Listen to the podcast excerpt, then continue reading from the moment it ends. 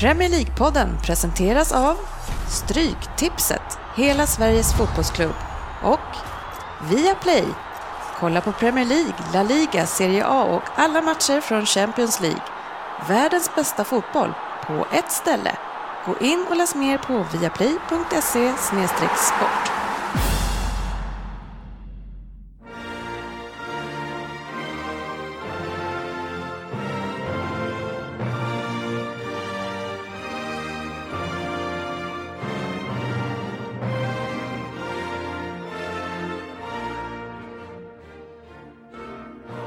Det här är Premier League-podden, fansens podcast om världens bästa liga, Premier League. Vi har en agenda för vårt 94 avsnitt som lyder så här. Via Play är poddens nya kompis. Sen har vi appnyheter som är lite grann ihopkopplade med lyssnarfrågor. Eh, vi har en Vem där-omgång med sportchefen den här veckan. Sen har vi en liten Newcastle special då vi har en härlig gäst med oss i avsnittet och i den specialen så ska vi gå ner i matchen som var uppe i Newcastle mot Sunderland. Efter det så ska vi också en stund i alla fall gå igenom eh, Manchester-derbyt där vi ringer Fabian och så stryktipset såklart.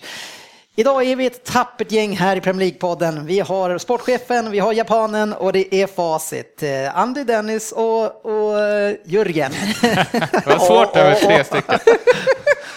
ja, tjena. Tjena. Tjena. Ja, det är lite tunt på stolarna. Jag tycker det är ganska skönt när vi är tre bara. Jag har varit det två gånger i rad nu. Ja. Och du med. Ja, precis. Ja, men det är, vi, vi egentligen så är vi ju fem i det här avsnittet. Och när mm. vi ska köra via länk så är det ganska skönt att vara en man mindre. Men det du, du tycker att det är skönt för att du får lite mer utrymme? Kanske? Exakt. Jag vill höra mer om min egen röst. ja, och det ska vi försöka eh, lösa. Men eh, hur mår ni?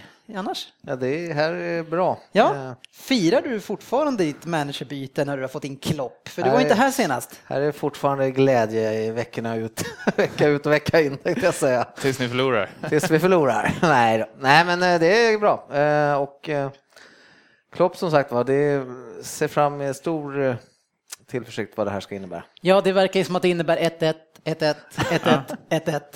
Ja, 1-1. Men och 1-1. man hittar ju hela tiden anledningar och eh, försvar till det här. Det är ju att eh, många matcher på många dagar, få träningar och sätta sina idéer riktigt. Så att, eh, tålamod säger jag bara grabbar. Ja. De har, min dotter har en någon låt som jag har lärt mig från hennes förskola. Den går så här tålamod, tålamod. Och sen sjunger hon ingenting. jag, jag, vet inte om, jag vet inte om deras det är fröknar som har lärt mig. Jag kör den också hemma. Ja, det är bra. Ja, nej men eh, han har ju gått ut och sagt att James Milner är en komplett spelare. Bara en sån sak, det får ju dig att känna att han har ett härligt fotbollsöga. Va? Ja, men precis. James Milner var en av mina absolut favoritvärvningar den här säsongen. Så att, men det var ju att han, att han ser det så han måste ju se vissa grejer från närmare håll helt enkelt. Så. Snart börjar han väl jämföra James Milner med Marco Reus kanske? Ja, ja precis. Vi behöver inte Reus kommer snart. Vi har precis, vi har Milner. ja, nej, det är väl, jag vet inte. Ja. Jag firar fortfarande lite grann, eh, utan att jag säger det, men för mig själv att James Milner är kapten, för det sa jag att han skulle bli. Ja, men nu vart han väl det på ett sätt som kanske jo, inte var... men han är kapten. Ja, men det är ju för att Hendo är skadad. Men tar du hellre Hendo tillbaks än uh, Milner som kapten? Ja. För de har ju ungefär Absolut. samma roll. Nej, men alltså missuppfatta mig inte. Jag, med det, Milner otrolig arbetskapacitet, men eh, nej, jag, jag tycker inte riktigt han... Nej. Han är inte så komplett alltså? Nej. Däremot Henderson. Inte som Klopp vill säga. Däremot Henderson ja, är komplett. Däremot du, du tänker inte fira det uttalandet? Nej, det gör jag inte. Något som vi däremot ska fira här i podden nu det är ju att vi har fått nya kompisar eh, som då kan hjälpa oss att fortsätta utveckla det här programmet och det är ju via Play.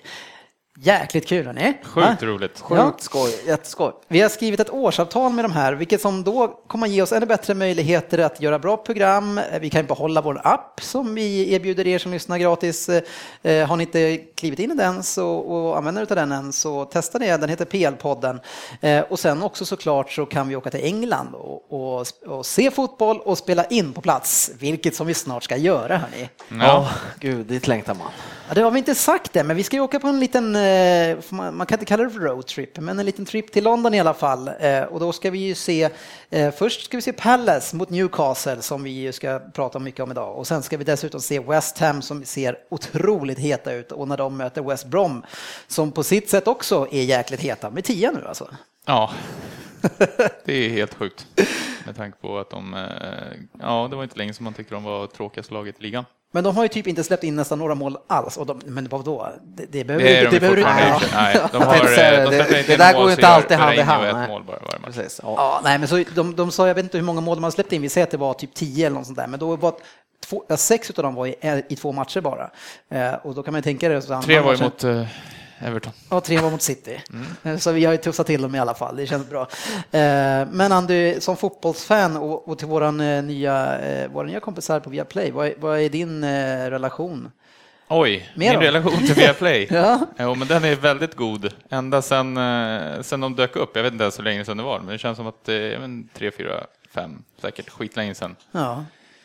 Så har man ju utnyttjat deras tjänster eh, duktigt. Ja. I, ibland kanske inte helt eh, ordentliga lägen som till exempel när jag ska åka ut och hämta min fru på Arlanda. Så tar jag med paddan om det är en match som har startat upp. Så lägger jag den lite vid sidan om på, på, förar, eller på passagerarsätet. Vilket vi inte rekommenderar.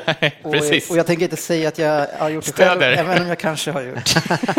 Och sen när jag kommer ut till Arlanda då, eh, då byter jag plats med min fru och sen så tar jag paddan i min famn och kollar på, på resten av matchen. Men faktum är att jag gör ju det där som, som du gör, fast jag använder det som radio. Gör jag. Jag, och sen så kanske då om det var något speciellt som hände så kanske man liksom Jo, jo, självklart. Man Det är måste, inte, det måste vara nästan man är inte ännu mer farligt. 100% med på skärmen.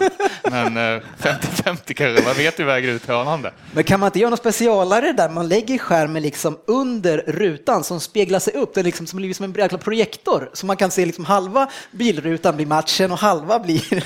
Men alltså varför, Alltså, måste, man se, inte varför måste man se hastighetsmätare det egentligen? Lägg in den där allting bara. Ah, Hur du mycket tänker soppa man, så. Lägg in den där så ligger den. Kommer det där. inte lite bilar med alltså, appar och grejer nu så att man kan ha Viaplay i, i bilen? Eh, ja, det, det, Det kan inte vara långt borta. Nej, det Nej. finns säkert redan.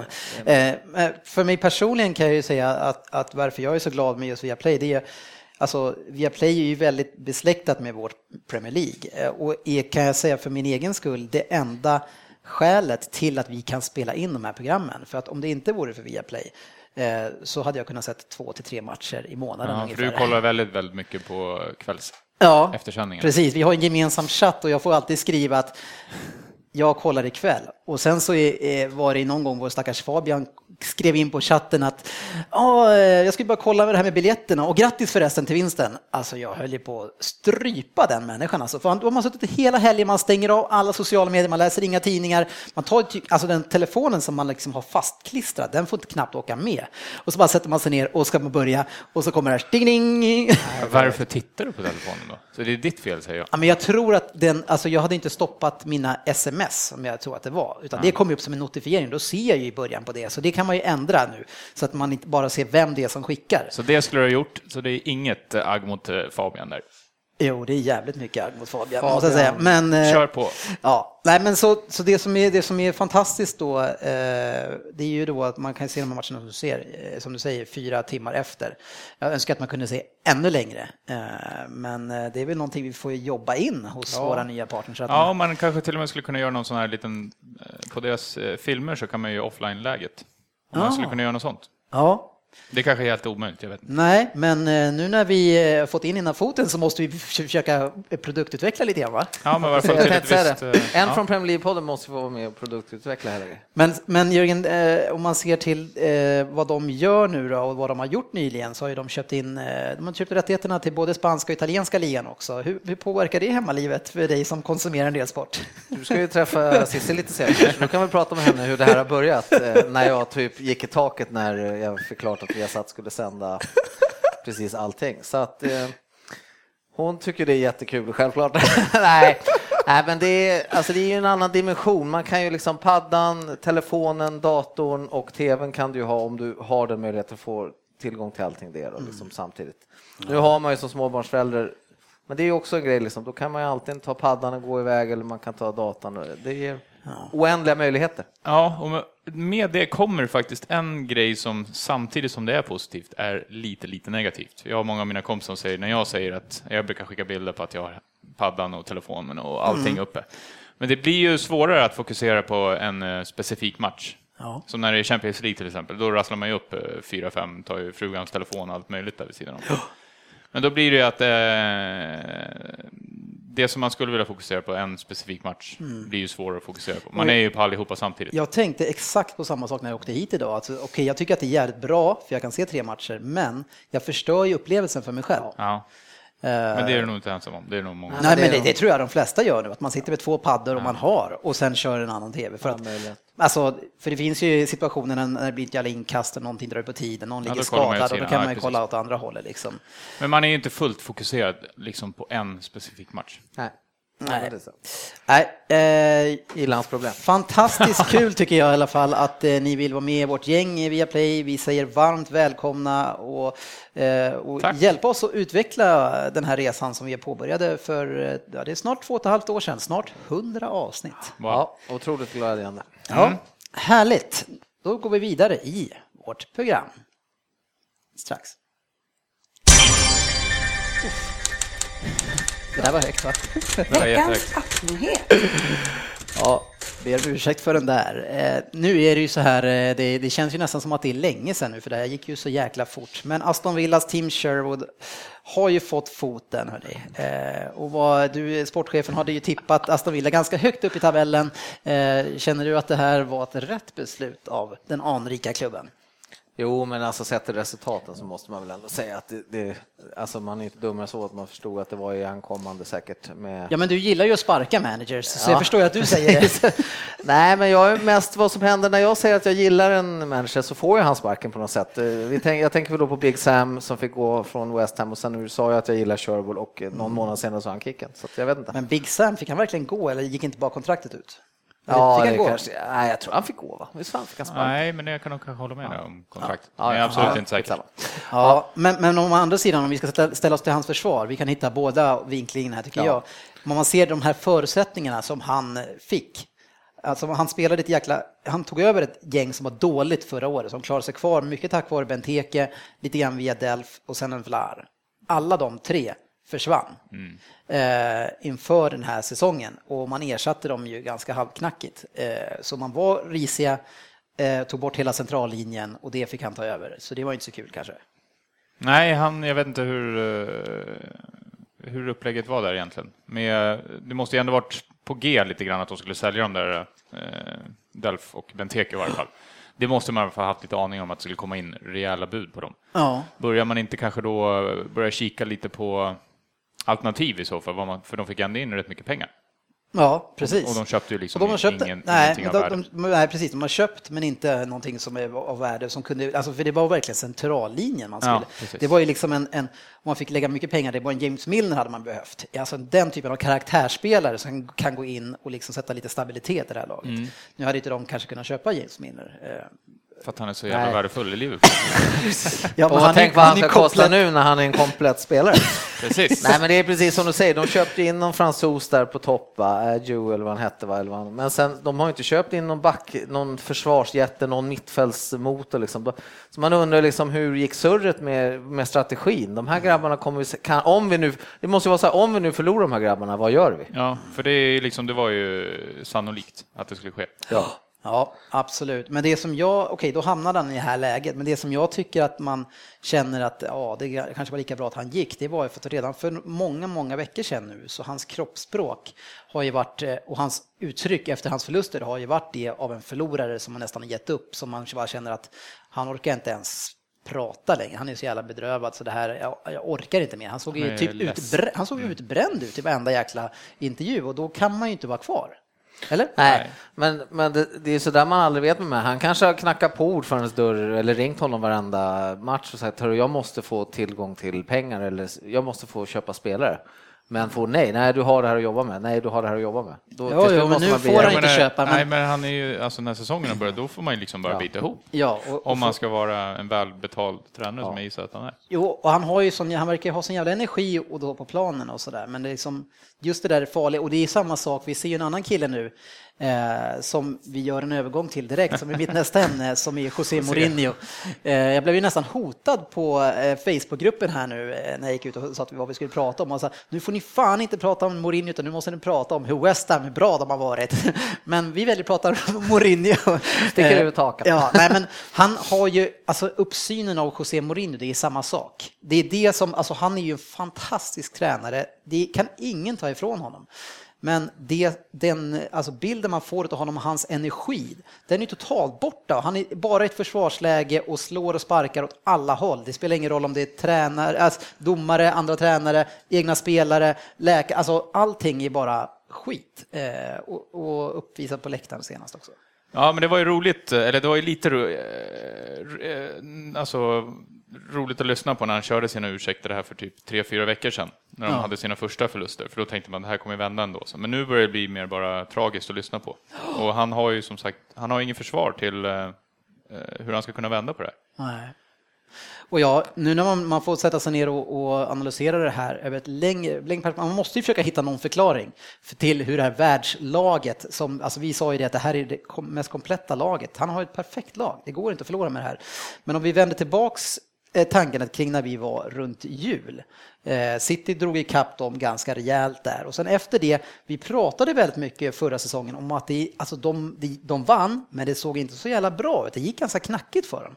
Eh, och man spelade alltid, alltid med samma spelare, man roterade aldrig. Det spelade ingen roll om man hade Remi på bänken, han fick ju knappt eh, springa in på gräsmattan. Eh, så det var noll rotation, samma gäng som dunkade på hela tiden. Vi vet vilken stil han har, den här hårda, alltså du måste ha press upp och ner, Fabregas och William, alltså ni måste slita hund, annars så får inte ni spela det här laget. Och med, han kanske gick runt då kanske på 13-15 spelare max eh, under så jävla lång tid. Han har kanske bränt ut det här laget.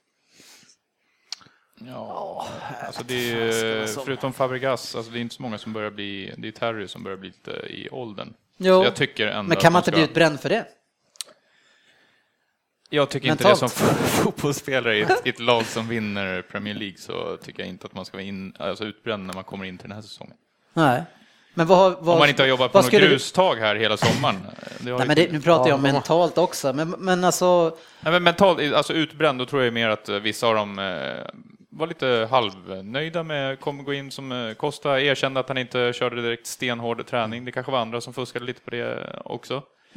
Och du, alla lag måste ju vara alltså, förberedda inför en Premier League-säsong. Det spelar ingen roll om man är Chelsea som har vunnit Premier League året innan. Annars blir man ju straffad direkt.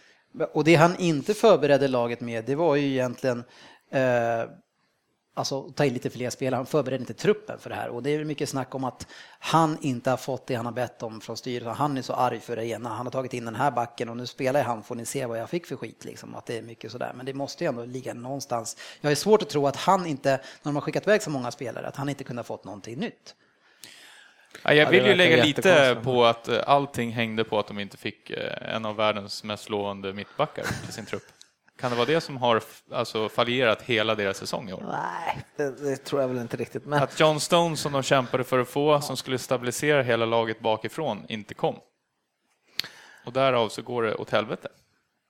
Nej, men jag tror att det är Mourinho som har förberett laget för dåligt helt enkelt. Det är som vi säger, de vann förra året. De, inför det här året kommer de vara ännu mer jagade, ännu mer liksom utsatta för press utifrån vad alla kräver av dem. De har fått behållit samma trupp i stort sett, bla bla bla. Visst, de får inte ett sånt där klassförvärv då säkert som det skulle vara.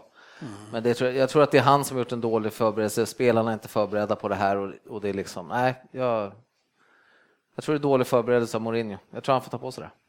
Definitivt. Ja, men det är klart han har ett ansvar. Men jag tror, alltså, det jag ser på honom, jag ser, när jag ser hans ansikts, kroppsspråk, så ser jag inte en person som kommer kunna vända det här. Och det måste man ju kunna se ovanifrån också. Att, Fast han ser väl all, ser han inte alltid lite så här små Nej, men nu ser han Nej, liksom så han här, ser- typ han ser sjuk ut nästan. ja, han mår Jo, in, men han är, han är ju ganska under press i och för sig, fast han kanske inte vill erkänna det. Så. Ja, men det, jo, jag tycker nästan han, det känns som att han nästan erkänner det också. Alltså, det är, Ja, men nu verkar det han, som att han redan börjar leta efter en ny klubb också.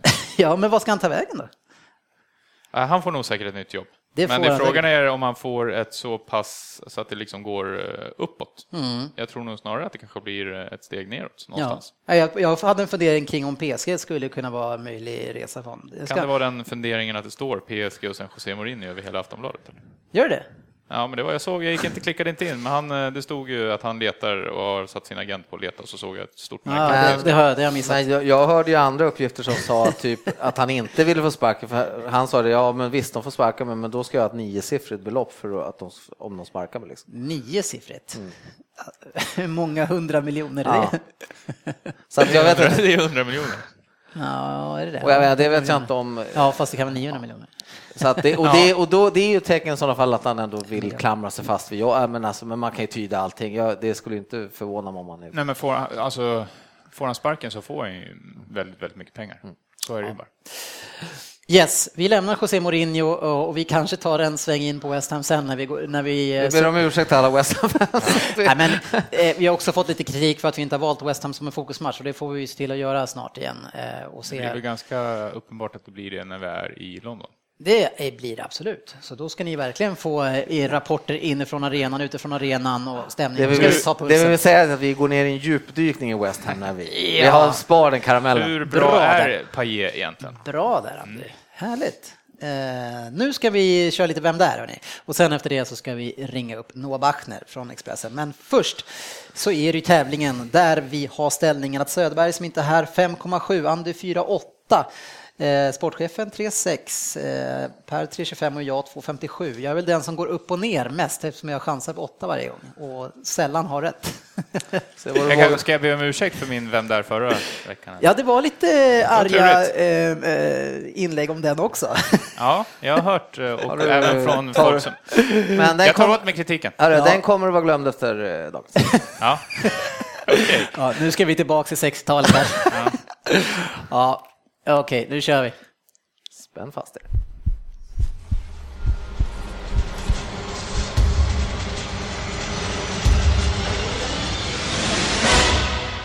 Vem där? Hallå där, Premier League-podden. Idag var ni inte så många på plats.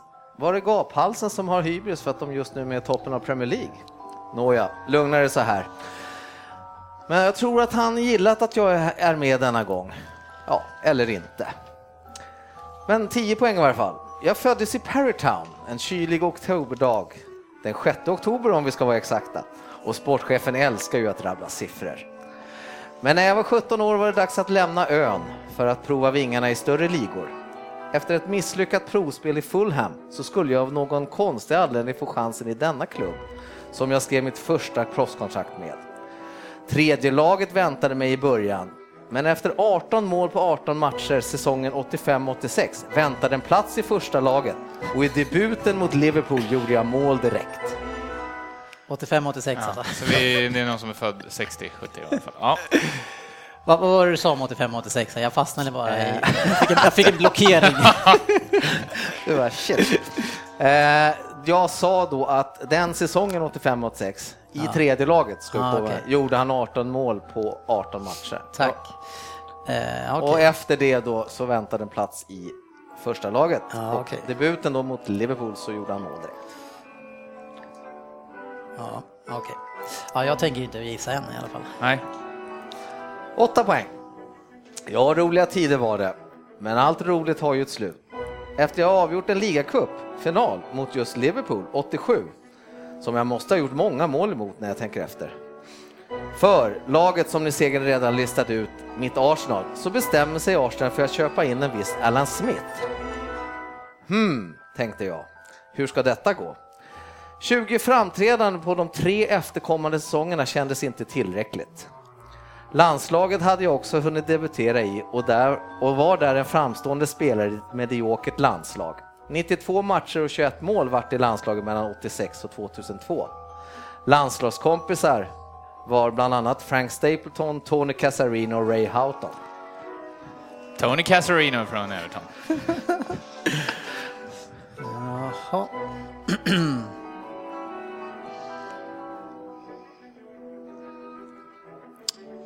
ja, Ja, det här kommer många av problemen. ja, jag har ju ringat in ganska mycket kring han, men just den här tiden... Var vi knappt födda, Dennis? Tas- Taskigt mot er nästan. det, är- det är eh, inte så här nutidsorientering det här, utan det är dåtidsorientering. Ja, det blir på sexan nu va? Sex poäng. Nej, dags att dra vidare och det skulle bli till det kommande köplaget nummer ett, Man City, som min karriär skulle fortsätta. City som vid denna tidpunkt... Dennis, City som vid denna tidpunkt inte kunde spela fotboll utan oljemiljonerna i ryggen gjorde inte mycket väsen av sig. Det som jag minns väldigt bra dock och som fler borde komma ihåg är att 1991 i april gjorde jag mål mot Derby. Sen i samma match åkte våran målvakt ut och jag fick ställa mig i mål och jag räddade en straff som gjorde att Derby åkte ut. Everton ville sedan köpa mig, men City tackade nej till alla bud tyvärr. Sex år, 204 matcher och 66 mål blev det i City. Jag är imponerad om du sätter den där ja, där högg jag snabbt. Ja, Imponerad alltså. när det är hans klubb som han har Ja, hållit sig. på i hela sitt liv. Eller senaste sex åren. Tydligen har jag koll på det här ändå. Hörru. Om det nu är han. Någonting säger mig att det blir en nolla för AK. Nej, jag tror inte det. Nu har jag mjuknat upp lite. Nu mjuknade jag upp lite Om idag. du inte kör en fart på slutet. Fyra poäng.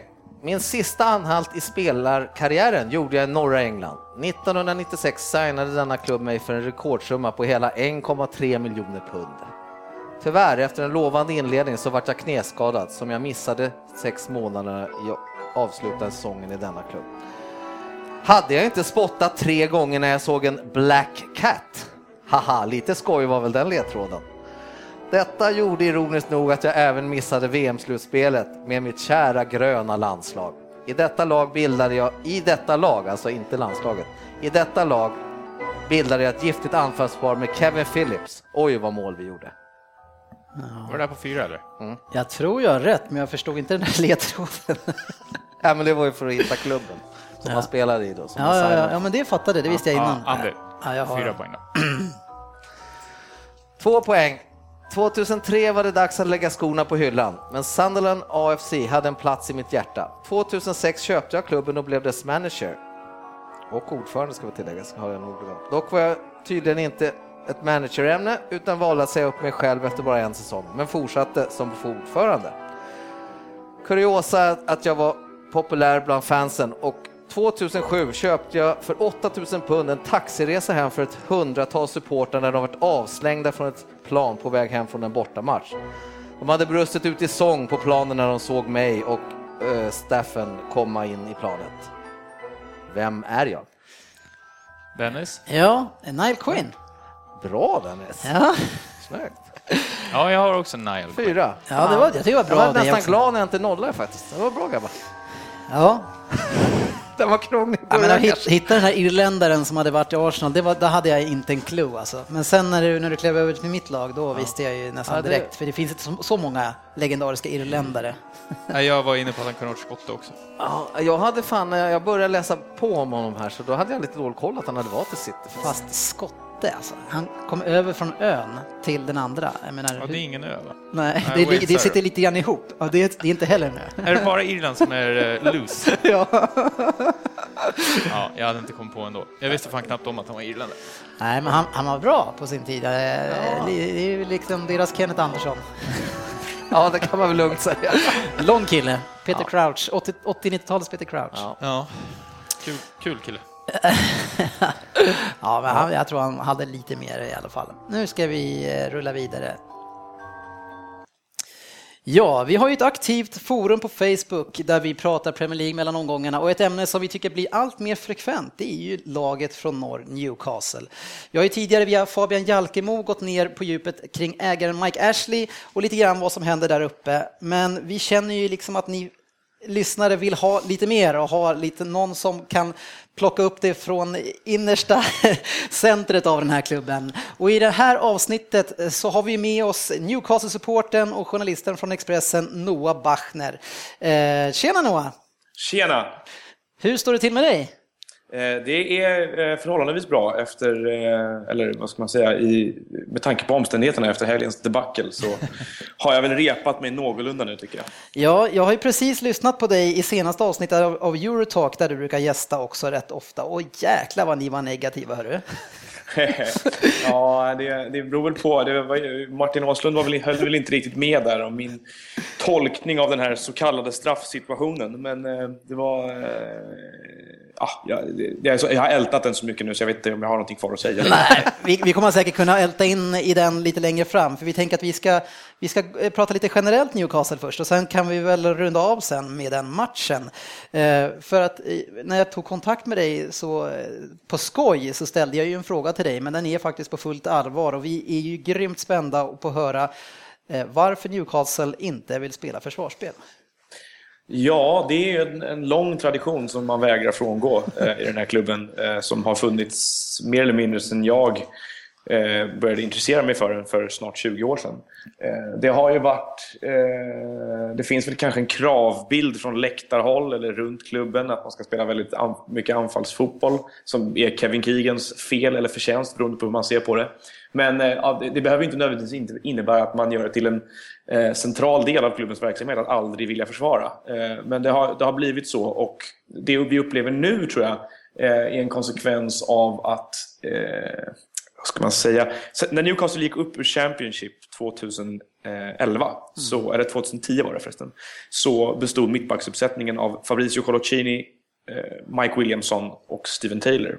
Och när man avslutade förra säsongen så bestod mittbacksuppsättningen av Fabrizio Coloccini, Mike Williamson och Steven Taylor.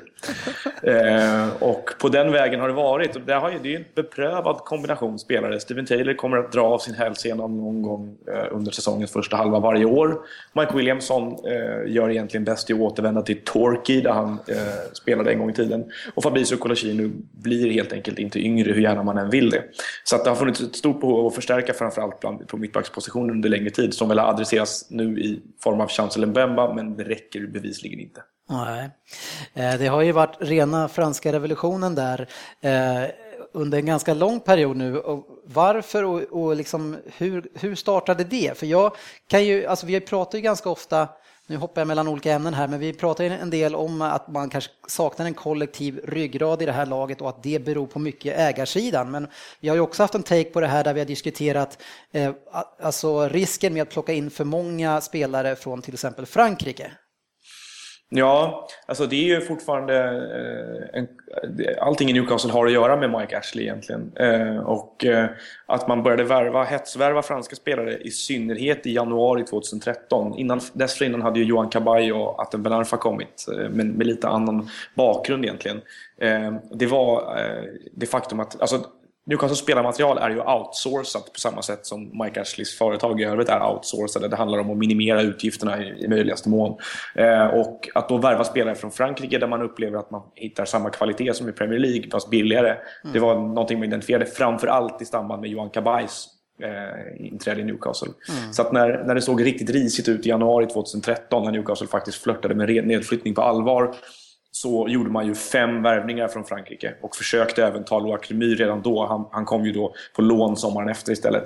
Men eh, så det var väl egentligen där den vad ska man säga, ansträngningen skedde. Och sen har man fortsatt återvända till Frankrike nu senast då med Florian Thauvin eh, mm. och eh, Graham Carr som är chefscout tycker sig kunna väldigt mycket om den franska marknaden och klubben tycker att han kan väldigt mycket om och han är väldigt värdefull. Så man lyssnar väldigt mycket på honom när det gäller spelarrekommendationer och det har ju haft ganska mixat utfall nu får man säga. Ja, hur skulle, men om vi, om vi håller oss till eh, den här alltså, enorma antalet franska spelarna, tror du att det är en, ett skäl till att eh, man, som jag ser i alla fall, inte har den där kollektiva ryggraden eh, och, och viljan att slita tillräckligt mycket för laget och fansen? Det kan säkert vara en delförklaring att eh, inte just att de är fransmän, det tror jag inte på alls. Utan jag tror snarare att Newcastle marknadsförs som en, eh, vad ska man säga, en, ett trappsteg för alla spelare som kommer dit. Det är ingen som kommer dit för att vara med och bygga någonting. Utan det är eh, snarare en, en cirkulation av spelare där du kommer till Newcastle med eh, någonstans målbilden att prestera bra och, och klubben tänker sig sälja vidare till en stor vinst sen. Eh, mm. Så du är mest där för din egen skull, du är inte där för Newcastles skull. Det är ingen som är där för, för, för att spela för Newcastles sak. Och att man då har just fokuserat på Frankrike har väl blivit eh, någonstans då det som många väljer att och, och beskylla då att det är fransmän, det är fransk inställning, det är de franska spelarnas dåliga eh, mentalitet på planen. Det har ju korrelerat med de här derbyförlusterna mot Sunderland mm. som blev den sjätte i helgen här. Men det har ingenting med franskhet att göra. Jag tror inte att det är någon fransk karaktäristiskt attribut. Den, de engelska spelarna i Newcastle under samma period, Mike Williamson, det har Paul Dummett som egen produkt, Steven Taylor och några till, har varit urusla. Så det, det, menar, det, är inte, det är inte så att vi har för få britter heller. Det handlar om att spelare kommer till Newcastle av fel anledningar. Men hur, hur, ser man, hur ser man en fortsättning? Ser man någon ljusning i tunneln här då, eller, eller är det bara ett, ett långt enda mörker man, man går i? Eller vad, ser, är det någonting som pratas om att det är ägarbyte eller vad, vad händer liksom? Nej, det pratas inte om något ägarbyte. Det som var positivt som hände förra säsongen var ju i, i egentligen i två eh, perioder skulle jag säga, eh, från supportersynpunkt. Jag vet att det, jag är inte den enda som är luttrad till en gräns där jag har haft svårt att bry mig emellanåt de senaste två åren. Men eh, det var ju att eh, andra människor än Mike Ashley fick plötsligt någonting att säga till om och det var ju faktiskt supportrarna. Dels genom den här kampanjen då för att få bort eh, den bedrövlige, då för Newcastle i alla fall, Alan Pardew. Eh, och han försvann ju sen i min mening då dels som en konsekvens av det. Eh, då ställde till lite osäkerhet i klubben för Ashley hade ju saker och ting precis som han ville. Och det andra var egentligen kampanjen mot Mike Ashley som då någonstans följde på det under våren när Newcastle var på väg att åka ur. Eh, och det där tvingade klubben att göra någonting annorlunda. Och det man gjorde annorlunda i somras det var ju att faktiskt investera rejält. Newcastle hade en stor eh, då, nettospänn i somras som var, som var ganska ordentlig. Mm. Och har även förändrat sin retorik ganska ordentligt. Bland annat så har man nu uttalad målsättning att satsa på kupper till exempel till skillnad från tidigare och eh, använder lite mer, eh, vad ska man säga, eh, ett språkbruk som är lite mer eh, vän, vänligt inriktat mot supportrarna. Så att någonting har hänt, men Mike Ashley har inget som helst intresse av att sälja Newcastle. Det är en fantastisk tillgång för honom just nu. Mm. Eh, jag har en liten eh, en kommentar här, för vi pratar mycket om eh, Frankrike och man, man känner ju att det har varit liksom en omsättning på franska spelare i Newcastle. Men om man tittar på startelvan i i söndag så är det ju bara en fransman, eh, Cissoko, som startar. Ehm, men så ser man ju också att det är liksom ehm, det är en, en eh, spelare från varje land i stort sett. Det är två mm. holländare, men sen är det ju det är sån otrolig blandning. Känns det som att för det, alltså när man tittar ner på alltså det är inte, det är inte bara dåliga spelare. Liksom. Känns det som att en, en riktigt bra tränare kan få det här laget att bli, eh, bli bra? Ja, det gör det absolut. Och så var det även under Alan Pardew's tid. Jag tycker inte att Newcastle har köpt dåligt. Jag har hela tiden vidhållit att vi har haft en ganska bra trupp. Eh, det, resultaten har berott väldigt mycket på tränarfrågan om du frågar mig och det är också en konsekvens av hur klubben styrs ovanifrån. Det, det som är problem, vi pratade om, om förut här, nämnde av, av, av, att, av vilka anledningar spelare kommer till Newcastle. Då kan vi prata om av vilka anledningar tränare anställts i Newcastle under Mike Ashley. Mm. Och eh, tränarfrågan är så otroligt sekundär när det gäller då, eh, och huruvida det är en bra tränare som kan utveckla spelarmaterialet eller bygga klubben. Eh, man är där mest för att vara ett språkrör och mest för att gå Mike Ashleys ärenden.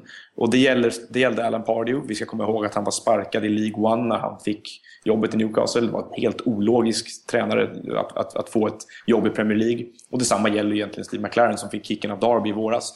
Det är en tacksamhetsskuld liksom, som man hamnar i omedelbart. Och jag tror verkligen att hade en bättre tränare fått förfogande över det spelarmaterial som Newcastle hade eh, 2012-13 och det vi har nu så hade vi sett eh, ett annat Newcastle på planen också. Vi ska säga att Steve McLaren har gjort en, har gjort en spelmässig förbättring här under, under de senaste fyra, fem matcherna som jag har, har väckt ett litet hopp om att han kan få till någonting som var mer underhållande än det Pardew fick till. Men, men precis som du säger, jag tror absolut att hade man haft en annan inställning till tränarfrågan hade Newcastle varit ett mycket bättre lag. Det är inte bara spelarmaterial det handlar om. Men det, men det är väldigt mycket snack om, om Mike Ashley och du, du nämner det här med Pardew. Har Pardew i efterhand nu, har han gått ut och lagt upp korten på borden och berättat hur det, hur det är? För det, som, som en svensk eh, lekman och supporter härifrån så kan man ju bara höra vad andra säger, men man har ju ingen insikt i om det verkligen är så på riktigt och, och man friskriver skuld lite grann från både spelare och tränare mot en Mike Ashley. Är det någon som går ut och, och bekräftar att det verkligen är så eh, hemskt?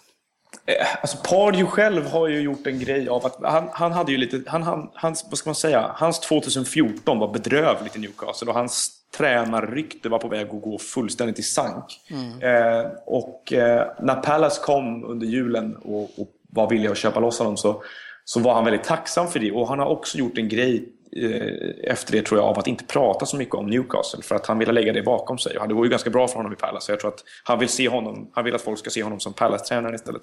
Sen, sen så ska man, eh, vad jag har hört på andra håll, och jag har haft en kontakt med journalister i England och så där, som, som har hört saker från, från liksom andra sidan där. Och eh, det, är, det är ju så att eh, Alan Pardew var ju eh, en, ett, ett tränarval av helt fel anledningar och det är ingen som, det är ingen som bestrider det faktumet heller.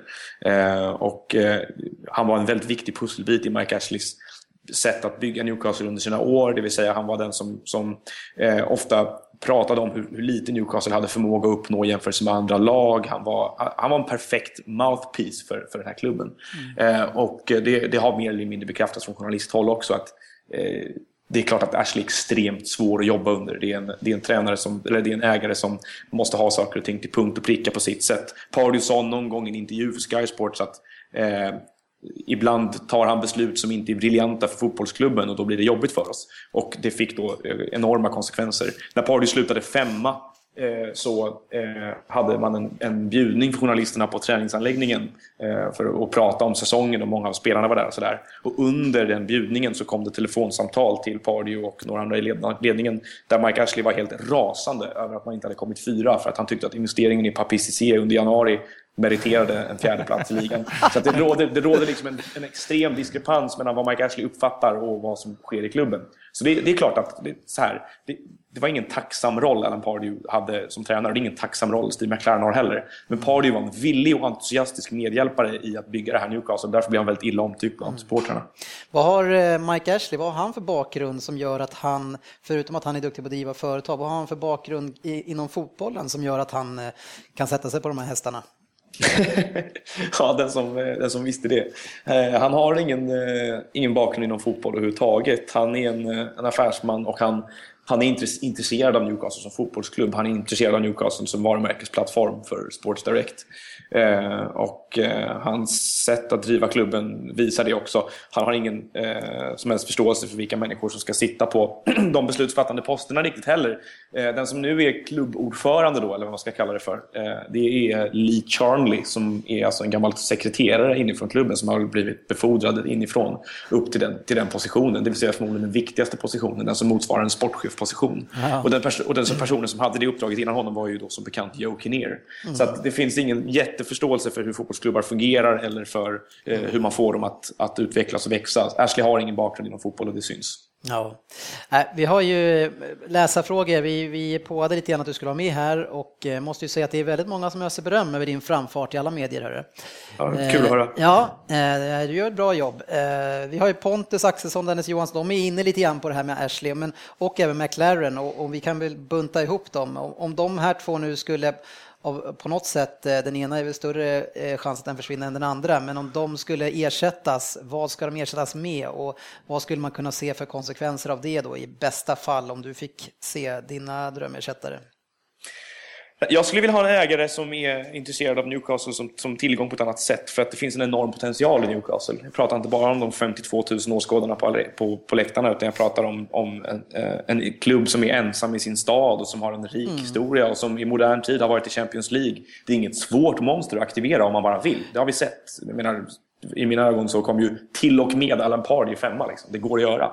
Eh, så att, eh, jag hade ju gärna sett en ägare som, som eh, kunde ta, förvalta det lokala och det, det ganska spännande varumärke som Newcastle är och få klubben att växa på som fotbollsklubb också, inte bara då sitt eget varumärke sedan av. Och ett, då ett, ett tränarval eh, där, det skulle ju naturligtvis inte vara Steve McLaren. Det, var, det som var hoppfullt i, i vintras ett tag, det var att det ryktades om tränare som till exempel Remy Gard som tyckte mm. var på väg till Aston Villa nu. Yeah. Jag tror att inom den liksom, verklighet Newcastle befinner sig så är ju en modell som liknar Swansea eller Southamptons det som man ska sträva efter. Det vill säga eh, väldigt detaljrik och, och initierad scouting men samtidigt också fokus på att utveckla egna unga spelare och ha ett ungt spelarmaterial. Mm. Jag tycker Tottenham genomför samma övning nu lite i skymundan.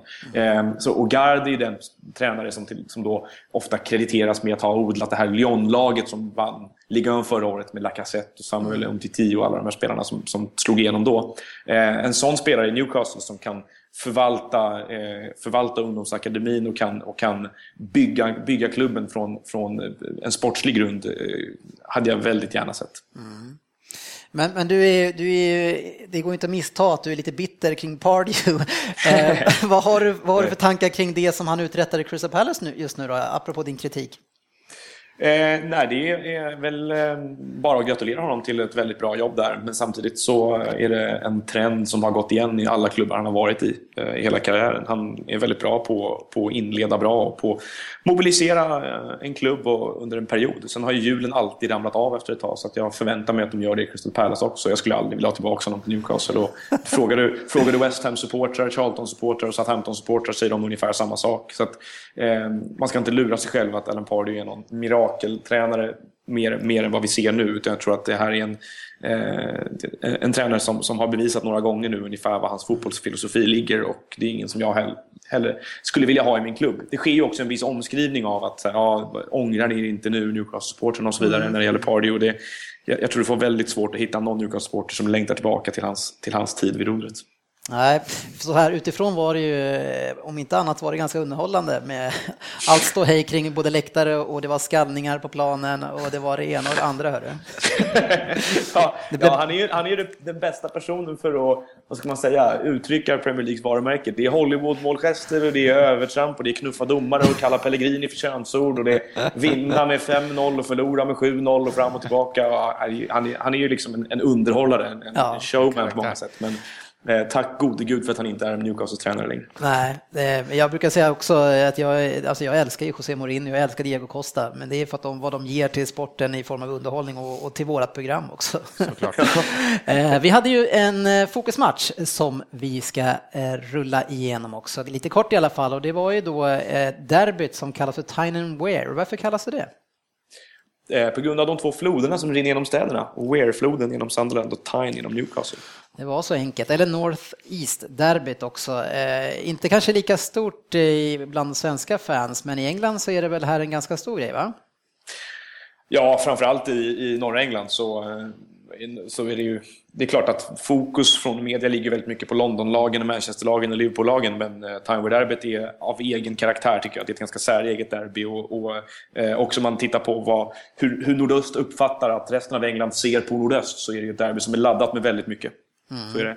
Mm. Ja, eh, och det har väl varit så historiskt här nu de, de, senaste åren att det har varit ganska rejält med övertag till Sunderland och, och, och nästan, eh, ni har väl haft jag vet inte om man ska säga oturen att möta Sunderland där man fått in en eller ett par ganska så hetlevrade och, och eh, en, vad heter det? entusiastiska ja, tränare som har eldat igång de här så ni har på lite derbytorskar va?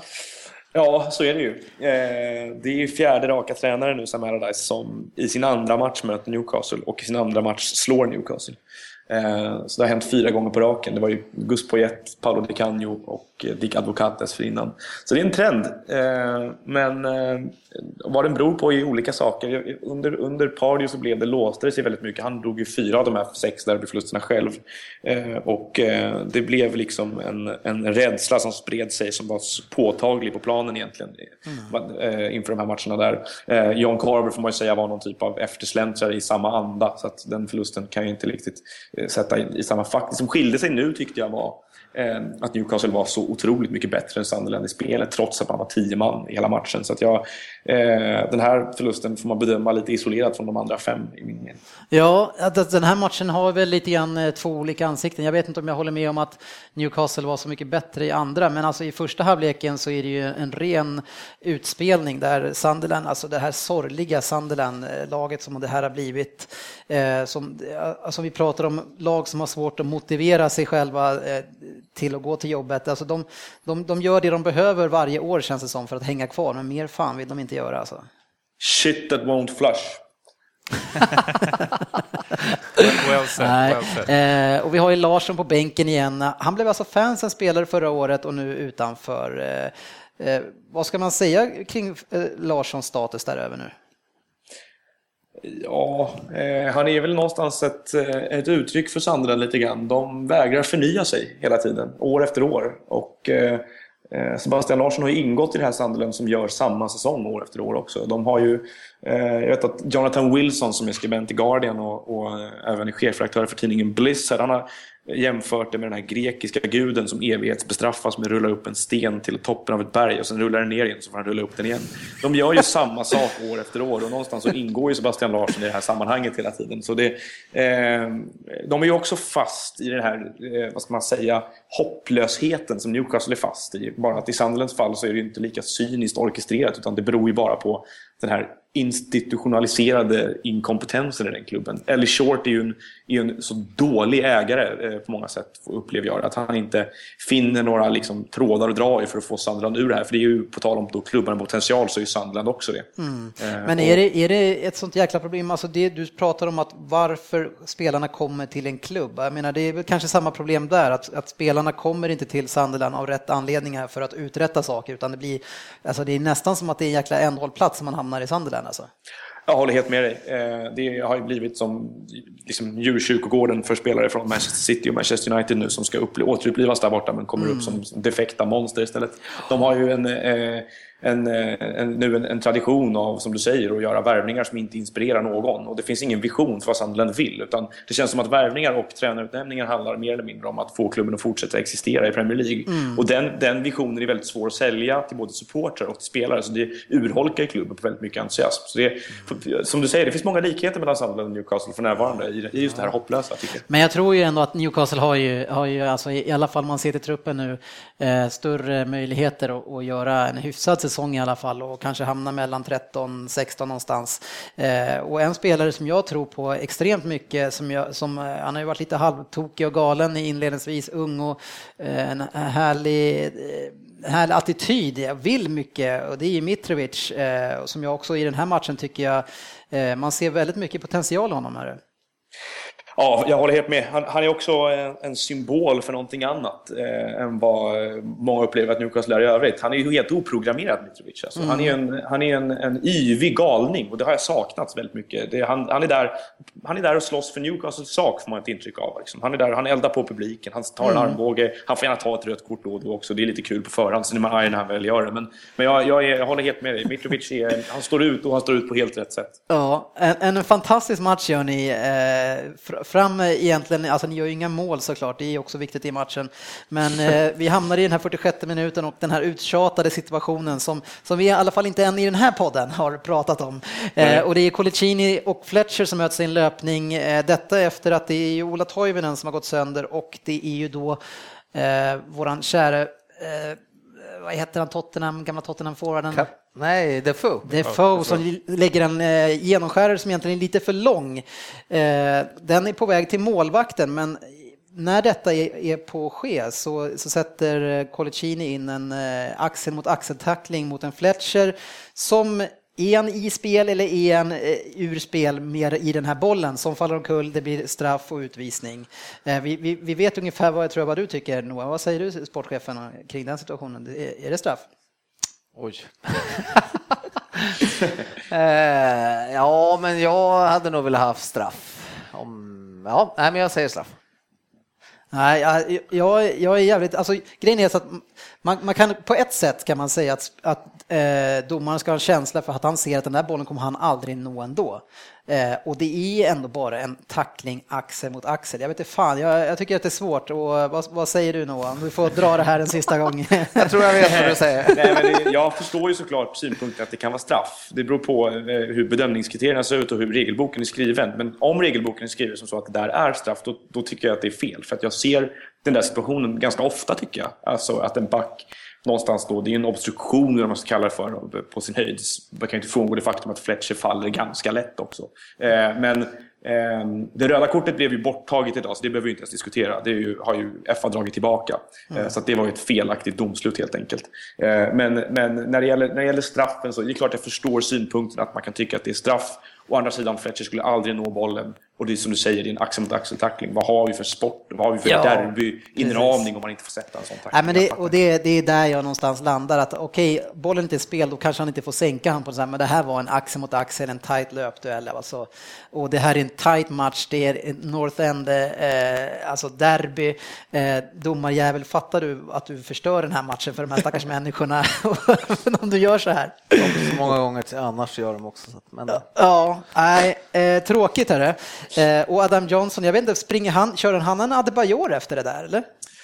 Eh, det har diskuterats väldigt flitigt vad Adam Johnson gjorde och den absolut elakaste och mörkaste tolkningen det handlade om att han gjorde ett flygplansmålgest bort mot Newcastle-supportrarna efter det här planet som kraschade eh, i Ukraina där det satt två Newcastle-supportrar. Jag tror dock inte på den tolkningen för det är för, det är för överjävligt helt enkelt. Ja. Den får vi nog nästan eh, hoppas eh, Så den, den, köper jag inte alls. Däremot så, var, så sprang han ju bort till, så att, då kan man ju diskutera då, vad är skillnaden på det Adam Johnson gjorde där och då och det som till exempel James McLean gjorde eh, när han ställde sig framför Sunderland-supportrarna. Men han, han sprang över till Newcastle-fansen. Ja, och det är samma sak egentligen som Adebayor gjorde och han blev väl avstängd också i några matcher. Jag vet inte, har, har det snackats någonting om vad Adam Johnson, om man ska få någon påföljder på det där? Jag tror inte det. Jag tror att det har, jag tror att det har gått obemärkt förbi faktiskt. Men, men eh, ställer man det mot, som du säger, Adebayor-händelsen och det McLean gjorde för bara några veckor sedan, eller två veckor sedan, mm. Eh, för, för West Bromwich så är det ju samma sak. Så rimligtvis borde han ju få det. Eh, det blir ju 3-0 i den här matchen, men vi måste ju lyfta, alltså vi är jävligt elaka mot en del spelare i den här podden och en, en viss Kabul har vi inte varit snälla mot återkommande, André. Han är, ja. han är inte så snälla mot va? Nej, det brukar inte vara, med all rätta dessutom. Nej, och han i det här målet som jag skulle, jag skulle säga att det här är ett drömmål som han är arkitekten till, så gör han en, han gör någon sorts tvåfotsbrytning på egen straffområde, eh, sätter igång en kontring där han driver på den här, eh, lämnar ifrån sig bollen, får tillbaka den sen på kanten, på ett tillslag slår han en, en curlad direktpass eh, mot bortre delen av eh, målet kan man säga in i straffområdet och där är det Fletcher som drar till den på ett, sen kanske inte han träffar rent men eh, Ja. Vänta, är det Kabul vi pratar om? Nej, eh, ja, vad säger man? Om, om, om man är supporter för Newcastle får se till och med Kabul göra ett sånt där mål, då, då måste man ju vilja dra ner rullgardinen va? Där bröts det. Ja, eh, vi pratade förut om värvningar till Sunderland som känns helt eh, tomma på inspiration. Han är väl en av dem, så det känns ju väldigt konstigt. Ja, eh, sjuk händelse. Eh, men, men om vi pratar nu i det här, vi återgår där vi börjar någonstans kring att för, vilja försvara eller inte försvara. Det som, jag, eh, det som häpnar mig lite grann, det är alltså det, den dåliga balansen som jag tycker ni har återkommande i ert lag och i det defensiva spelet, det är att ni har ju Coldback och TOT på mitten. Visserligen så har ju varit lite skada därifrån, men det där borde vi vara, om man nu får kalla ett mittbacks eller ett mittfältspar som ett mittlås, eller, alltså, de är ju, borde vara riktigt två bra balansspelare. Ja, Theo, eller så här. Eh, jag håller inte riktigt med om det. Sheikh Tioté har under de senaste två åren haft väldigt svårt att komma upp i form. Han har ju skapat sig ett rykte om att vara en väldigt bra defensiv mittfältare efter ja. att ha inlett sin karriär i Newcastle väldigt bra. Och var ju en, en fantastisk bollvinnare under, under sitt första ett och ett halvt, två år. Eh, därefter har någonting hänt med hans form. Det är väldigt svårt att, att sätta fingret på vad, men han har blivit eh, oslipad, slarvig passningsspelet, drar på sig extremt mycket frisparkar och varningar. Eh, så att eh, det, det, någonting måste hända där igen. Han måste komma upp i form. När det gäller Jack Colback så är det en spelare som alltid nästan gör tre av fem matcher skulle jag säga. Han är liksom pålitlig på många sätt men också har ingen hög högsta nivå. Eh, han slår alldeles för mycket passningar i sidled och han eh, ligger lite oftast fel i position. då gör, han får göra lite sådär heroiska tacklingar, att han får springa i kapp och du vet, mm. slänga sig och blockera skott och grejer. Då framstår han som en kämpe och bra och sådär när han inte har legat fel i positionsspel, tycker jag. Så att, eh, det, det, det, väl, det finns väl, råder väl delade meningar om det. Men det är mest en organisatorisk fråga tror jag, där det gäller det där att, hur vi fördelar rollerna på mitten och, och sådär och hur backlinjen jobbar ihop som, är, som är, verkar vara ett oändligt problem för Newcastle. Det där är en gammal sanning från när man själv spelar, om man pratar mittbackar. En, en mittback eh, ska inte behöva glidtackla för då, är, då ligger han fel. Ja, Nej, men det ser coolt ut när man gör det. ja, hörru du, eh, tiden går fort, men det var ju fantastiskt kul att få snacka med dig eh, och höra lite grann kring Newcastle och hoppas att vi kan plocka upp det igen. Och kanske kring andra lag också. Du verkar ha bra koll på läget. Ja, men jättekul att vara med. Tack för, tack för inbjudan och hoppas att det inte blir för mycket domedagar. Det tenderar att bli Nej, det är ingen fara. Jag tänkte bara jag nästan förstå det lite avslutningsvis, vi har ju båda varit med i samma program Eurotalk Weekend där det handlar om att sätta lite spel, oddstips. Jag tänkte bara kolla hur det gick för dig efter du tog över flaggan. Sitt, ja, tipsen? Gått, det har gått upp och ner, men jag har repat mig lite här nu, börjat fatta lite metoder med det där. Typ, jag är ingen jätteerfaren spelare från början. Så nu, men nu, eh, jag brukar pendla mellan två och tre rätt. Vad hade du då när du var med? Ja, jag hade första gången så satt jag fyra av sex tror jag, sen var det väl ett båda gångerna sen, så jag fick väl hybris efter första gången. men jag hade, jag hade min storhetstid där jag sa att, eh, eh, vad heter han, Ivanovic skulle plocka ett gult kort på, på Sterling i matchen och så gjorde han det också, det var, det var mitt spel. Men, ja, men de där trevliga eh, bettingbolaget som inte ska nämna vid namn i den här podden, de gav mig 1,17 för det spelet, eh, vilket som jag tyckte var det värsta jag varit med om. Det är lite, det är lite snålt. Får, får, får man ge dem, det tredje ja. bettingbolaget. ja. Nej, men hörru, tack ska du ha för att du var med eh, och eh, vi, vi kanske hörs igen. Det gör vi. Tack själva. Ja, ha det bra. Hej, hej. Tja. Yes, eh, en lång och härlig pratstund med Noah och eh, nu går vi vidare. Veckans fokusmatch. Ja, sportchefen han sitter här och tittar på klockan och undrar eh, vad är klockan egentligen? Eh, men klockan är så att den är dags för eh, Manchester-derbyt och det kommer vi inte behöva prata ihjäl oss om, eller vad säger du? Nej du, det är väl ungefär som man känner sig nu, man kände sig efter den titeln man fick på den matchen så det var en stort snark bara. Alltså, och det där är ju såklart utifrån så är det där en totalt värdelös match. Jag satt ju på nålar hela matchen för jag ja, kände ja, ju att, eh, att, att, Manchester United var ju det laget som hade lite mera go eh, och lite mer tryck. Om det var något lag som kanske skulle göra det så var det United och därför så tyckte jag det var en ganska jobbig match att se som City-supporter. Vad, vad, känner du kring matchen, Anders? Nej, jag tycker väl också kanske överlag att över hela 90 minuter så var väl United lite bättre. Men jag tyckte väl kanske att Torrea såg lite, lite oinspirerad ut. Mm. och då blir det ju sådär för City tyvärr. Speciellt när Silva och Aguero är borta, så då måste ju han höjas till typ 250 Ja, men jag kan säga till hans försvar, eh, som, som det var den, den, största, man ska ha, peka ut en person och en sak i den här matchen som inte fungerade för City, eh, så är det Kevin De Bruyne som har varit fantastiskt bra sedan han kom in i City. Men i den här matchen, alltså jag, jag vet inte om man har Alltså, jag blir förvånad om han har mer än 25 procent i passningsprocent. Och i alla svåra passningar han ska göra i stort sett, han kanske sätter en av kanske 15. Eh, så den lekkamrat som han måste bli, för Yahya Touré spelar ju då som en offensiv, han blir ju nästan som en tia i den här matchen. Eh, och då ska han komma in där och stötta honom för att eh, han kommer inte få det riktigt från, från Boni. Och eh, Sterling vet vi ju, han har sitt eget spel så det är ju de två som måste hitta varandra då. Och kanske lite grann Fernandinho. Men De Bruyne, alltså det var en fruktansvärd match utav honom alltså. Jag tyckte hans första halvlek var väl ändå nästan eh, okej. Okay. Nej. Men i andra halvlek så då, ville han ju, då såg det ut som knappt han ville spela. Nej, men det, han, han har ju turnovers i varenda anfall alltså. Men äh, att hålla han där ute på kanten då, för han är ju ganska, mm. blir lite status där ute på kanten. Är det någonting ni ska fortsätta med? Ja. Eh, i, för det är svårt att ha han som lekkamrat till, till Torea, Precis. när han ändå håller sig ja. mest där ute. Eh, jag, jag, tror ju att i den här matchen så, så går Pellegrini in och känner sig ganska nöjd med kryss och därför spelar han ju med båda grabbarna där bak, eh, Fernandinho och Fernando, och eh, då blir det ju ett, ett defensivt balanserat lag.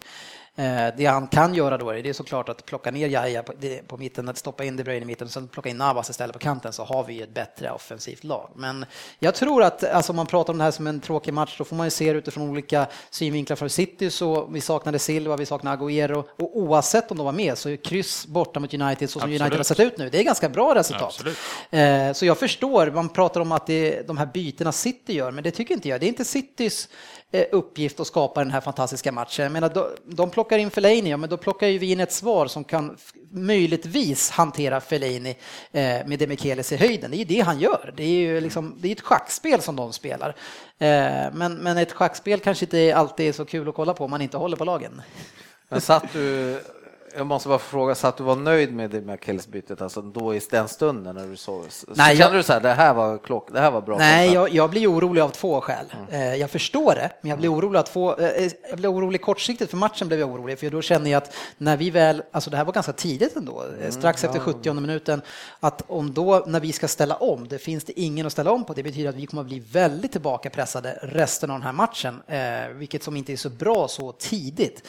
Men det som eh, man kanske också då ska se långsiktigt som ett större problem, det är ju att se Yahya Tourés reaktion på det här bytet. Det var inte någonting positivt kan jag säga. Han jublade inte. Nej, och där har det ju liksom redan varit så här lite skavt i kanten här och var. Jag menar, han vill man ju inte liksom att man ska ge han ytterligare. Och jag menar, Yahya Touré, byter man ut en sån kille egentligen? Eh, Nej, typ eh, Nej, om man inte är ja. skadad. Nej, men jag säger det, han ska ju typ Knappt om han hade brutit benen hade jag tagit Ja, av man honom. med man säger så här, 5-0 Lite och- högt. ja. hur oinspirerad han är kontra hans Ja, normala status. Alltså, så hans klass i, finns ju där liksom Ja, ja, ja. ändå. Ja, men han är en av de som kan hålla i bollen om det väl blir en... Då kan en- Pellegrini plocka ut han, eh, säga åt eh, någon på kanten, nu får du fejka en skada, så tar vi en drickpaus här och så får du snacka med honom, nu får du ta tag i det här, för vi behöver dig. Alltså, inte, liksom, nej, ja, så lite sådär. Nej, fan, det var, jag tycker det var konstigt. Men återigen, eh, om vi kollar på United då, så måste vi prata om den enda spelaren som sticker ut i den här matchen, som bryter mönstret och som är ett offensivt hot, det är Martial. Alltså.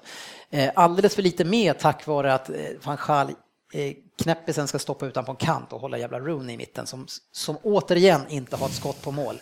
Han har ju aldrig ett jävla skott på mål.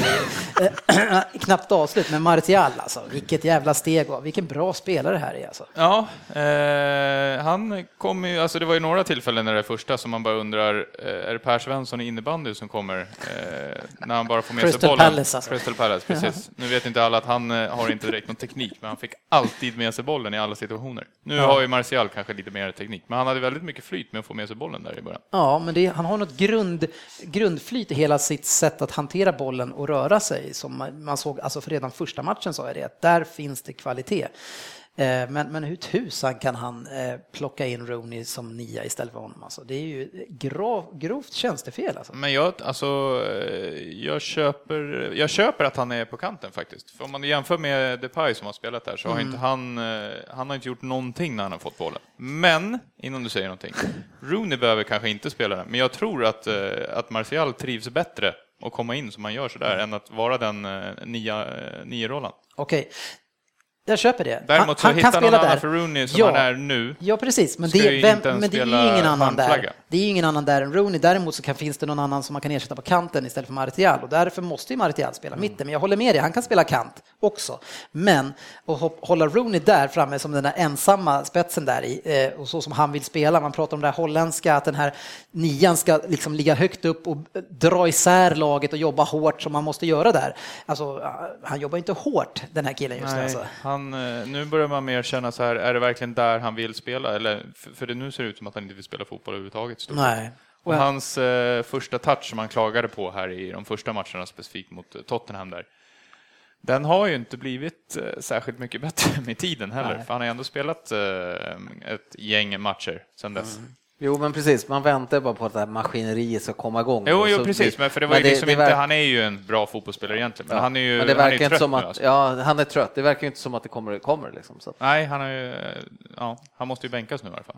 Jag ville lyfta upp en spelare som jag sa innan, som jag tycker såg bra ut, även fast ni var hacka på honom. Det var ju Otamendi som såg eh, väldigt fin ut den här matchen. Nu tycker jag man ser varför han ska vara där. Eh, tycker han gör ett För att fantastiskt... han klarar av en Rooney som inte ens vill Ja, men det är klart att Rooney, det är inte bara Rooney som anfaller. Eh, och han, är, han styr av otroligt mycket situationer och är jäkligt aktiv. Jag tycker han var väldigt bra.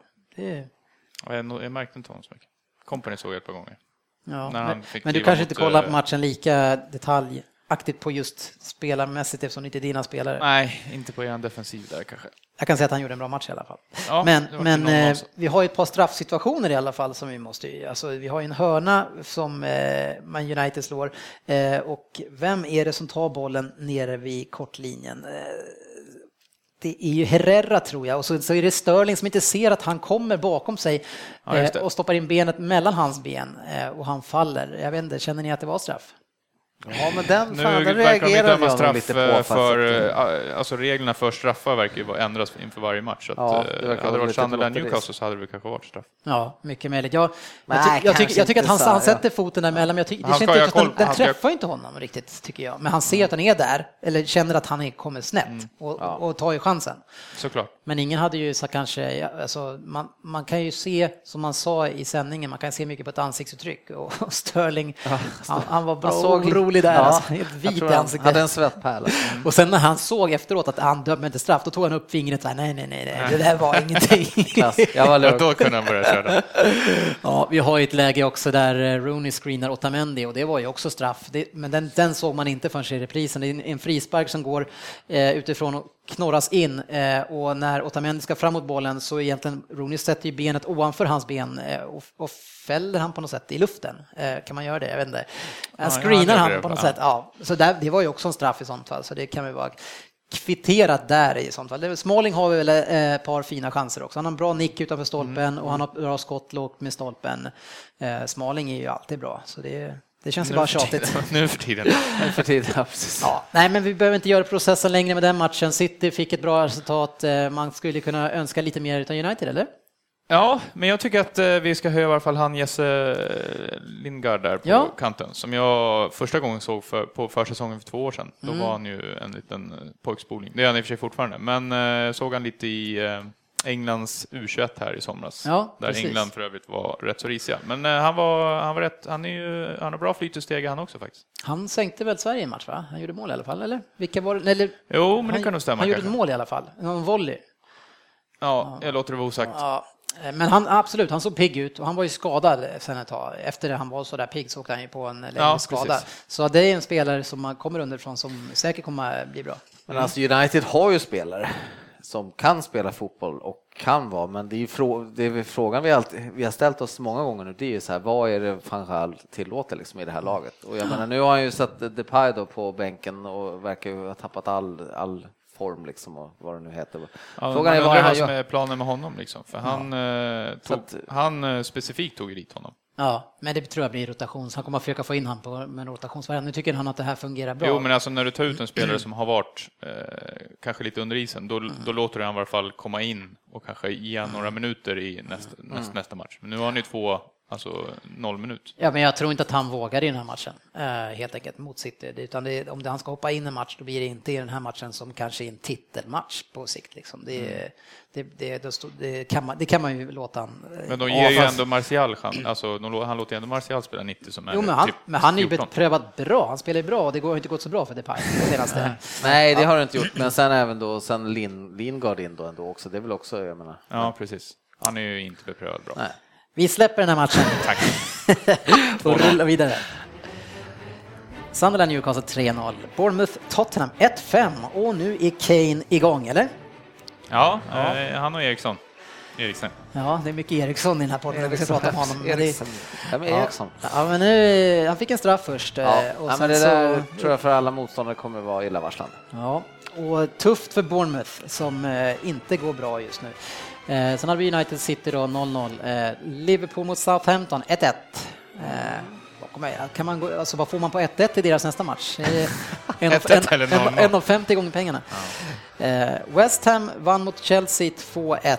En, eh, en, match eh, som innehöll det mesta och Matic som, som var i den här kanske bästa spelaren i nästan hela Premier League förra året. Han, han känns lika oslipad och opolerad som, som Mourinho är utanför plan nu. Alltså det är, Tufft, tufft, tufft. Mysterium. Men grattis West Ham och som sagt, ja. vi ska försöka plocka upp lite West Ham-matcher framöver. Ja. Leicester ångar på och framförallt så är det Jamie Wardy som ångar på och han har ju faktiskt gjort mer mål än vad Liverpool har gjort den här säsongen. Ja. 200 miljoner nästa säsong, Liverpool. och sen skickar ni iväg till West Brom för 30. Ja. 1-0 mot Crystal Palace blev det i alla fall. Norwich går också tungt, förlorade mot West Brom som är experter på att vinna med 1-0 och det är inte så konstigt när man har Tony Pulis. Stock mot Watford, Andy, 0-2. Jag har ju sagt att Watford är bra. Men du vill inte hänga med på det? Nej, Nej. de är inte bra. Aston Villa, Swansea, man tog ledningen med 1-0, förlorade till slut med 2-1. Eh, viktigt för Swansea också och det var inte så bra såklart för Sherwood, så fick gå. Och sen hade vi Arsenal som vann med 2-1 över Everton. Och Arsenal eh, och Özil går ju ganska bra nu eh, faktiskt och de, de ser farliga ut, Arsenal tycker jag. Ja, eh, det var en eh, intressant match att kolla på. Ja, vad, vad säger du som eh, Everton-supporter? Eh, jo, men jag tyckte att när man fick se vår andra halvlek där vi ändå hade väldigt, väldigt bra chanser. Nu kommer mm. Arsenal-supportrarna säga att det var mer chanser för Arsenal i första, men jag tycker att ett kryss hade, varit, hade vi varit värda och mm. kämpa insatsen. Mm. Och vad heter han, Delefu kom igång på högerkanten Mm. i andra halvlek. Han har inte riktigt, riktigt rosat marknaden. Nej, det är viktigt och jag, jag vill minnas att ni har en lite lättare match nu i nästa omgång. Eh, På förhand så hade vi haft ett väldigt lätt schema, men vi har ju eh, West Ham efter vi har Sunderland här nu. ja, ni har Sunderland, ja. Jag Så nu att, har vi helt plötsligt West Ham som är eh, lite bättre än Chelsea. Men har ni West Ham hemma eller borta? De är ju ett bortalag, så ni, ni kanske kan slå dem. Nej, Vi har dem hemma. Vi har... eh, Ja, då är det kört. Ja. Ja, vi får se vilka matcher vi har, för det avslöjar vi här. Stryktipset.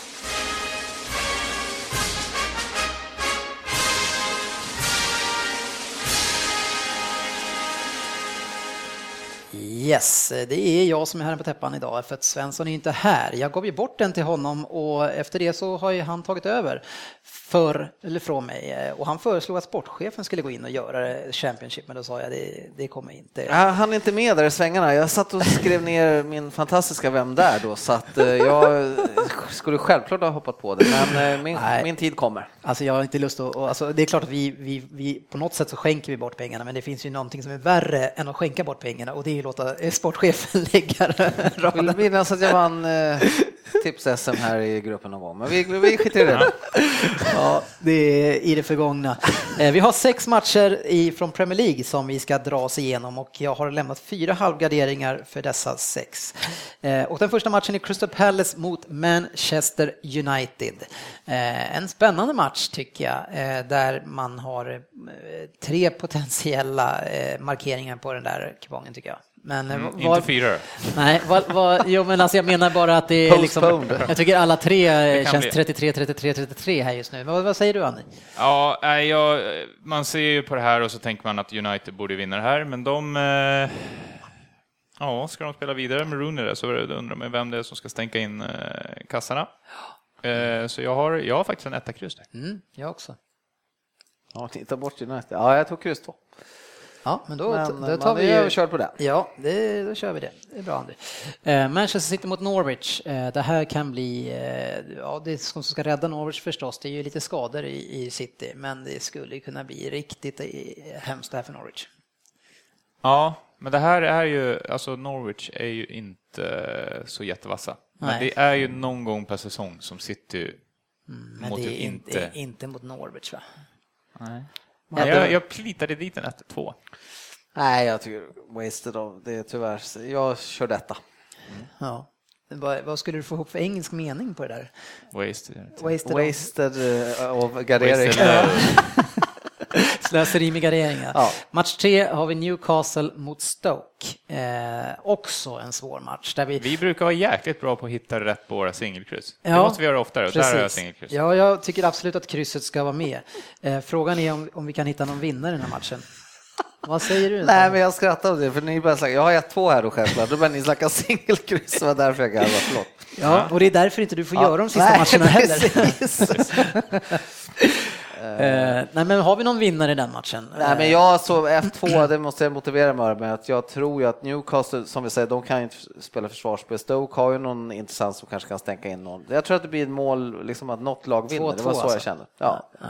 Ja, jag känner mer så att båda lagen har ju spelare som kan göra mål. Jag tänker att vi, vi sparar den här som singelkryss 5-1 eh, ett tag. Eh, som jag och Andy var vi ganska rörande överens, så vi väntar. Vi kan, vi kan fylla på med en vinnare kanske där. Det är, I sånt fall eh, men då blir man ju lurad av Noah för att han har varit så positiv, liksom, att det ändå kan gå. Var han positiv? Ja, men Nej, lite men det grann kan vi ändå. inte säga. Ja, men lite grann ändå för framtiden, att han hade fått igång det här spelet såg ju bättre ut. Så, så Hade inte Pardew varit där så hade de ju vunnit ligan antagligen för något år sedan. Nej, nej, det vet jag fasen om, eh, Alltså, om det, var, det, var, det var lite bitterhet. Jag skojar du? Pardew ligger inte högt upp. Nej, för hur, hur många tränare egentligen, nu pratar vi, illa, eller pratar vi om dig Noah, även fast vi har lagt på här, men hur många tränare är det egentligen som är kvar längre än tre år? Om man ska prata Ja, men alltså hur många tränare som kommer vilja vara där med tanke på att hans ägaren är ju helt dum i huvudet. ja, nej, men jag tänker bara generellt sett, man pratar om att, att, att en tränare som bara kan vara någonstans i ett par, eh, tre år, alltså, jag menar hur många hur många tränare är någonstans överhuvudtaget är längre än två, tre år? Det är ju fan, det händer ju inte. Eh, nu hoppar vi vidare. Swansea mot Arsenal. Eh, där har jag också kryss, eh, men sen två. Mm, det är tråkigt att ha en kryss två där, men det har jag också. Spik två. Ja, då lägger vi in kryss två där. Eh, och sen har vi Watford mot West Ham. Eh, det här är också jäkligt svårt tycker jag. Eh, vi har ju West Ham är ju ett bortalag och nu eh, möter man ett lag som gillar att spela possessionspel eh, och gör det ganska bra. Men det är det som kommer att straffa, tror jag, Watford i det här fallet. Så jag, jag skulle kunna faktiskt sätta en singel två där. Mm. Jag som har Watford på sista plats har 1-2.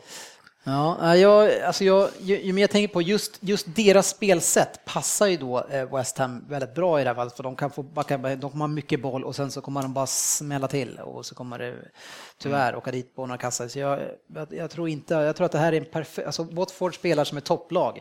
Eh, Med gör. skitmaterial. Nej, det skulle jag inte säga. de kommer klara sig ganska bra i den här ligan. Börjar man spika West Ham borta då, då går det åt helskotta. Ett kryss tog jag där faktiskt. Ett kryss till och med. Ja. Så de har inte förlorat på bortaplan. Nej, men det, det är bara en tidsfråga. Men vi kan, vi kan ge, vi, ska vi ge dem ett kryss då? Eller du, vill, vill du ha en 1 2 där? Jag hade 1 2. Och du hade vad då? Ett kryss. Ja, blir ettan måste ju 1 2 blir det här då. Eh, sen hade vi West hade Brom mot Leicester. Uh, yes. West Brom mot Leicester. Eh, det här är också lite tufft. Eh, defensiva lagen mot det här helt galna offensiva laget. Eh, den här är svårare. Alltså bubblan kommer ju spricka snart för Leicester. Wardy kan ju inte bara hela tiden göra... Alltså såg alltså, ni, såg ni ens med... målet som han gjorde senast när han chippar bollen över målvakt och sen trycker in? Alltså, Alltså det där gör ju typ bara den översta eliten. Hur jävla bra självförtroende har den där människan? Han är, han är inte så där bra. Han är ju i zonen nu. Han kommer jo, han är i zonen och han, är, han har ju kvickheten. Och eh, vad började du med att säga? Kane-zonen. Jag började med att säga att det är West Brom mot Leicester. Vad ska det bli? Ja, singelkryss. ja. Det var 1-2. Berrainho mot Vardy. Men alltså... ja, men krysset ska ju med i en Tony Pulis match här och de möter ett lag som är förmodligen lite bättre än vad de är just nu. Och du, det var det du sa, du sa att bubblan kommer spricka. Jag tror att bubblan för Watford måste spricka tidigare. Leicester har ju ett bättre lag än men de, Watford. Watford har ju ingen bubbla. Det är, de är ju lite mer så upp och ner, upp och ner. Det är som ballong, så in och ut. De måste jobba varandra. En bubbla är ju för fan en ballong. Nej, det kan väl vara en såpbubbla, det är ju ingen ballong. Eller? En pratbubbla. Ja. Eh, Men varför grundar ni på alla dessa singelkryss bara undrar? Är det för att ni tror att det blir 1-1, 2-2, Det är för att vi tror att det blir lika i matchen. Jo, men det är självklart. Men alltså, jag fattar inte vad liksom West Bromwich Leicester. Ward är stekhet, kan stänga in tre själv. West Bromwich kan säkert, vad heter han, Berino kan stänga in två Nej, men jag, Anders, singelkryss, du vill ha det eller? Ja, jag, jag, jag, kan ta det också och då vill jag istället sätta Newcastle, för jag får ju ändra tecken sen. Jag vill ha Newcastle som vinnare mot Stoke också. Eh, för jag tror ändå att Newcastle kan klara sig över strecket. Så då drar vi hela raden. Match 1. Crystal Palace mot Manchester United, 1 kryss. Manchester City mot Norwich, 1. Newcastle Stoke, 1 kryss. Swansea Arsenal, kryss 2. Watford mot West Ham, etta, tvåa. Sen har vi då West Brom mot Leicester, singelkryss. Championship, Bristol City mot Fulham, kryss 2. Fulham är lite grann på gång. Derby mot Rotherham, etta, tvåa. Där har jag bara med tvåan som en bra skräll. Rotherham har gjort det förut på bortaplan. Ipswich mot Cardiff, singelkryss. Middlesbrough Charlton, etta. Milton Keynes Downs, MK Downs, mot Hull, singel 2. Reading Brighton 1, kryss 2 och Sheffield Wednesday mot Nottingham en singel 1. Så är läget hörni. Ja. Eh, vi får hoppas att det blir en del pengar. Eh, vi kan väl berätta, som vi var ute i sociala medier på Facebook och, och, och berätta att eh, vi är nominerade som årets podcast i tre kategorier.